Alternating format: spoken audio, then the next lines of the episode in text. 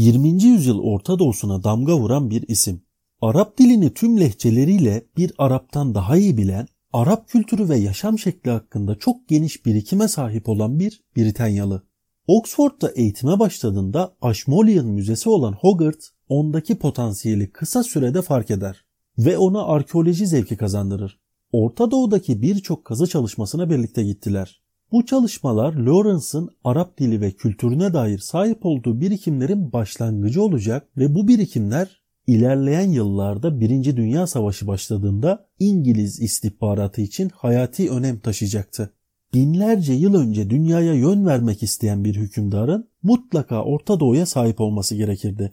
Bugün de durum farklı değil. Orta Doğu'nun sınırları ideolojik sayıklarla farklı farklı belirtilse de Arabistan çöllerinden Suriye ovalarına, Filistin'den Nil nehrine hatta çoğu zaman kabul etmesek bile Anadolu bozkırına kadar uzanır.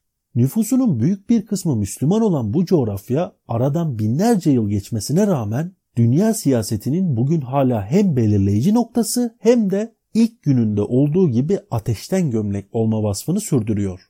Evet, bir nevi biyografinin 35. bölümünde 1. Dünya Savaşı'nda Orta Doğu'daki faaliyetleriyle tanınan bir İngiliz ajanını anlatacağım. Arkeolog, yazar ve asker kimliğine sahip bu figür aynı zamanda 1. Dünya Savaşı sırasında Arapları Osmanlılara karşı ayaklandıran kişi olması sebebiyle de tarihimizde önemli bir yer tutar. Thomas Edward Lawrence, diğer bilinen ismiyle Arabistanlı Lawrence.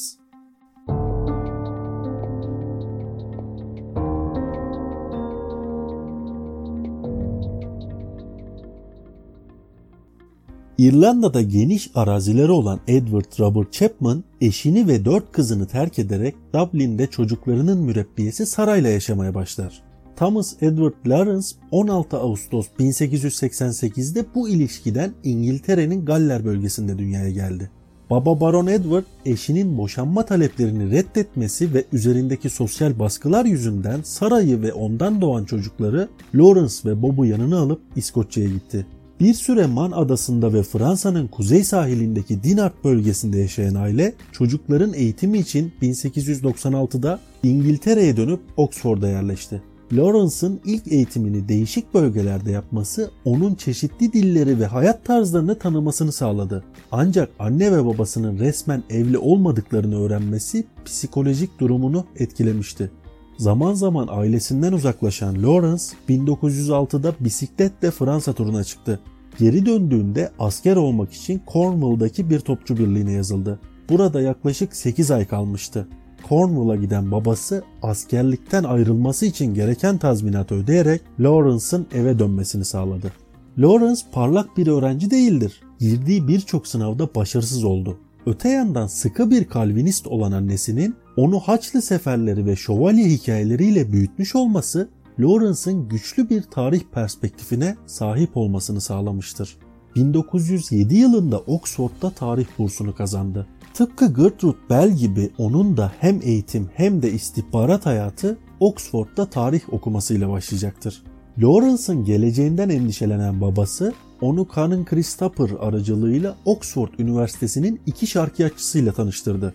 Bunlardan ilki Oxford'da Arapça profesör olan David Morgulyev, ikincisi ise Ashmolean Müzesi müdürü olan arkeolog ve İngiliz istihbarat örgütüne danışmanlık yapan Hogarth'tı. David George Hogarth İngiliz istihbaratı için kritik bir isimdi. Yalnızca arkeolojik kazı çalışması görüntüsü altında yürüttüğü faaliyetlerle değil, Lawrence ve Gertrude Bell'i de İngiliz istihbaratına kazandırması açısından kritik bir isim olarak öne çıkar. Lawrence Oxford'da eğitime başladığında Ashmolean Müzesi müdürü olan Hogarth ondaki potansiyeli kısa sürede fark eder. Lawrence'a arkeoloji zevki kazandıran Hogarth, Orta Doğu'daki birçok kazı çalışmasında onu da yanında götürdü. Lawrence bu çalışmalarda Arap dili, kültürü ve yaşam şekli hakkında geniş birikimler elde etti. Ve Birinci Dünya Savaşı başladığında en büyük destekçisi Bell'le beraber bu birikimi Kahire ofisinde fazlasıyla sahaya yansıtacaktı. Hogarth'ın yönlendirmesiyle 1907'de Fransız çatoları ve savaşları konusunda çalışmalar yapan Lawrence, ertesi yıl Suriye ve civarında Haçlı askeri mimarisi konulu bir tez yapmaya karar verir. Çalışmaları için gereken malzemeleri Hogarth sağlamıştı.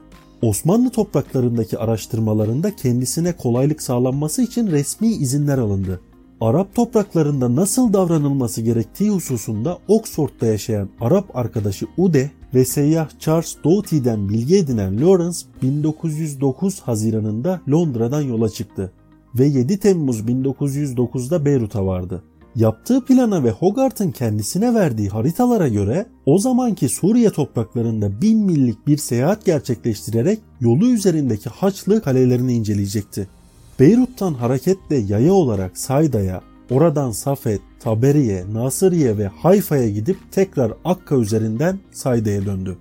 Turistten ziyade bir yerli gibi hareket eden Arap yiyeceklerini yiyip Arap kıyafetleri giyen Lawrence, Arap topraklarındaki bu ilk tecrübesinin ardından Trablus Şam'a yöneldi. Oradan Laskiye, Antakya, Halep ve Urfa'ya gitti. Daha sonra Şam'a geçti. Bu gezisinde bir yandan Arapça öğrenip toplum yapısını tanırken öte yandan teziyle ilgili malzeme topladı. 1910'da İngiltere'ye dönerek tezini sundu ve çok başarılı bulunmuştu. 1910 yazında Hogarth, Lawrence'den Nizip'in güneydoğusunda Suriye sınırındaki Kargamış'ta British Museum adına sürdürdüğü Hitit arkeolojik kazılarına katılmasını istedi. O sırada Osmanlı Devleti üzerinde etkin olan ve İngilizleri rahatsız eden Alman nüfuzuna karşı İngiliz istihbaratı Anadolu'daki bu tür faaliyetlerle yakından ilgilenmekteydi. Lawrence'ın bu kazıya katılması dolaylı da olsa onu ilk defa İngiliz istihbaratının şemsiyesi altına soktu. Ancak başta Lawrence olmak üzere Lawrence'ı yetiştirenler henüz onu yeterli bulmadıklarından dolayı Beyrut yakınlarında Cübeyl'de Amerikan misyoner okuluna göndererek Arapçasını geliştirmesini sağladılar. Hogarth ile Lawrence 1911 Şubat'ında Cübeyl'de buluşup birlikte seyahate çıktılar. Beyrut, Hayfa, Nasiriye, Yermük gibi yerleri dolaşarak Dera Hicaz Demiryolu istasyonuna kadar gittiler. Oradan Humus ve Halep üzerinden Kargamış'a ulaştılar. Hogarth kısa bir süre sonra kazı işini Lawrence'a bırakıp Londra'ya geri döndü. Bu dönemde Bedevi Arapların arasına karışarak onların hayat tarzlarını, geleneklerini öğrenen Lawrence'ın Bedeviler arasında sık sık dolaşması Osmanlı yetkililerinin dikkatini çekmişti ve bir defasında hapse atılacak kadar takibata uğradı. 1913 yazında Londra'ya giden Lawrence birkaç ay sonra tekrar Kargamış'a döndü. 1914 yılı başında Hogarth'ın talimatıyla Filistin Araştırma Vakfı adına bilimsel bir inceleme gezisine katıldı. İngiliz ordusundan yüzbaşı Newcomb'un nezaretinde gerçekleşen bu gezi aslında Sina çölündeki geçitlerin ve su kaynaklarının yerini belirlemek için yapılan bir askeri istihbarat çalışmasıydı. Böylece Lawrence'ın o güne kadar İngiliz istihbaratıyla dolaylı olan ilişkisi doğrudan ilişkiye dönüşmüştü. 6 hafta süren çalışmalar sırasında geçitlerin ve su kaynaklarının haritasını çıkaran ekip Osmanlı yetkilileri tarafından Akabe'ye sokulmadı. Ancak Lawrence bir yolunu bularak kasabaya girmişti ve oldukça önemli bilgiler edindi. Osmanlı demir yolları ile ilgili bilgiler toplamaya devam eden Lawrence özellikle Toroslardaki demir yolu geçitleri hakkında İngiliz istihbaratına raporlar hazırladı ve raporlarını takdim etmek üzere Haziran 1914'te Londra'ya döndü. Birinci Dünya Savaşı başlayınca Hogarth'ın tavsiyesi üzerine Kahire'deki askeri haber alma örgütünde görevlendirildi. Sonradan Arap Bürosu adı verilen bu örgütte teğmen rütbesiyle çalışmaya başlayan Lawrence, askeri haritalar hazırlama ve özellikle kanal harekatının ardından İngilizlerin eline geçen Osmanlı esirlerini sorgulama ve bilgi toplama çalışmalarında görev yaptı. Kısa zamanda yüzbaşılığa kadar yükseldi ancak sınırlı yetkilere sahipti. Büro hizmetleri dışında kendisine verilen ilk görev Kutül Amare'de İngiliz kuvvetlerini kuşatan Osmanlı kuvvetleri kumandanı Halil Paşa'yı kuşatmayı kaldırması için ikna etmekti.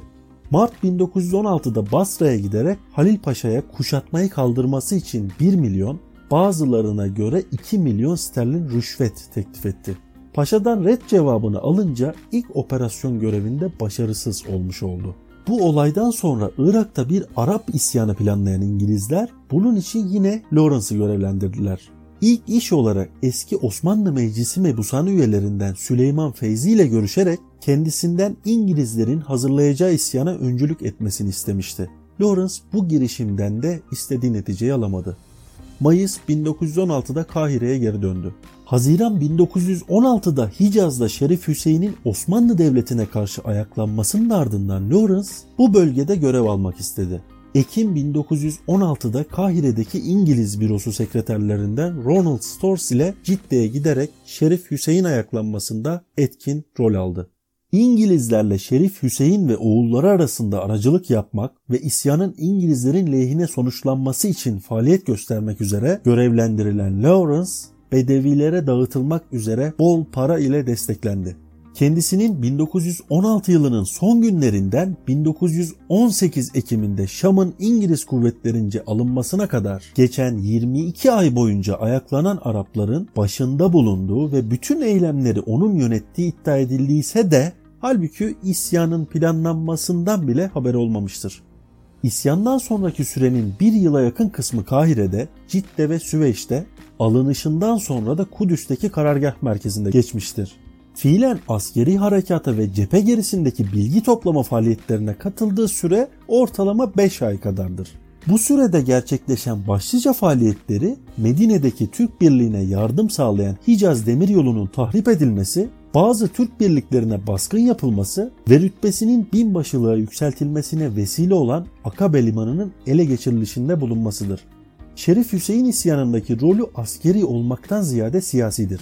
Savaşın ardından Batı kamuoyuna adeta Osmanlı Devleti'nin karşısında tek başına mücadele eden ve Osmanlı ordularının Arap Yarımadası'ndan çıkarılmasını sağlayan yegane kişi gibi sunulması ayaklanmadaki rolünün abartılmasına sebep olmuştur. Savaş sonrasında İngiliz hükümetinin Araplara karşı olan politikalarında Lawrence'ın düşüncelerinin önemsenmemesi de onun İngiliz istihbaratının ortaya koyduğu suni bir kahraman olduğunu göstermektedir. Şam'ın İngilizlerin eline geçmesiyle Londra'ya dönen Lawrence, burada Şerif Hüseyin'in oğulları yönetiminde 3 Arap devletinin kurulması için faaliyet gösterdi. Bu sırada İngiltere'ye giden Şerif Faysal'a danışmanlık yaptı. Siyonistlerle onun arasında ara buluculuk girişimlerinde bulundu. Siyonist hareketin komşuları Arapların hayat seviyesini yükselteceğini savundu. Faysal'ın Paris Barış Konferansı'na girebilmesi için çalıştı ancak hiçbir girişiminde başarılı olamadı. Lawrence'ı kullanıp albay rütbesine yükselten İngiliz istihbaratı artık onu devre dışı bırakmaya başlamıştı. O da 1922'de albay rütbesini terk edip kimliğini gizleyerek Ross adıyla hava kuvvetlerine girdi. Kimliği anlaşılınca Shaw ismiyle tank birliğine geçti. Ardından tekrar hava kuvvetlerine geri döndü.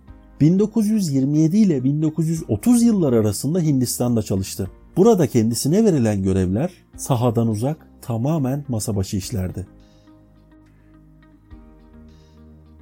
Lawrence'ın 1. Dünya Savaşı'ndaki önemi bugün hala tarihçiler arasında tartışma konusudur. Bir kesim Lawrence'ın oynadığı rolün fazla abartıldığı görüşüne sahip. Buna delil olarak iki olay örnek verilebilir. İlki ordu namusu içinde en ahlaksız vazifelerden biri olarak görünen bir emrin tevdi edilmesi için onun tercih edilmesidir. Bu emre göre Lawrence Medine savunmasını yapan Halil Paşa'ya gelerek yüklü miktarda bir rüşvet teklif eder. Halil Paşa'nın bu teklifi reddetmesi için ciddi bir sebep yok gibidir o dönem. Savunduğu şehrin savaş stratejisi açısından da ciddi bir e, ehemmiyeti kalmamıştı. Öte yandan şehrin kutsallığı ve İslam peygamberi Hazreti Muhammed'in kabrinin bulunduğu bir bölgeyi savunmadan düşmana vermek hem de rüşvet karşılığında terk etmenin doğru olmayacağına karar veren Halil Paşa Lawrence'ın teklifini reddeder. Bundan sonra 147 günlük kutlu bir direniş başlayacaktır. Lawrence'ın tarihi öneminin gereğinden fazla abartıldığını savunan görüşe göre verilen bir diğer örnek de savaş sonrası Araplara Lawrence aracılığıyla verilen hiçbir vaadin gerçekleşmemesidir. Lawrence kendisiyle beraber isyana kalkışan aşiretlere bir millet ve devlet vaadinde bulunurken Birleşik Krallık Arapları millet bilincine sahip olmayan aşiretler olarak görmüştü. Bu yüzden kontrol altında tutulması zor, tek ve bütün bir Arap devleti yerine Şerif Hüseyin ve oğullarına çeşitli emirlikler vererek kontrol altında tutmayı tercih etmişti. Lawrence'ın bütün protestolarına rağmen bu kararın uygulamaya konulmuş olması krallığın onu çok ciddiye almadığı şeklinde yorumlanabilir. Yazarlık serüveniyle ilgili de e, birkaç şey söylemek istiyorum. Şöhretini körükleyen asıl eseri hatıralarını kaleme aldığı Bilgeliğin Yedi Sütunu adlı kitabıdır. Bunun haricinde ikisi çeviri olan birkaç kitabı daha bulunuyor. İngilizce'de hala en çok tercih edilen Odesya çevirisinin mimarı aynı zamanda.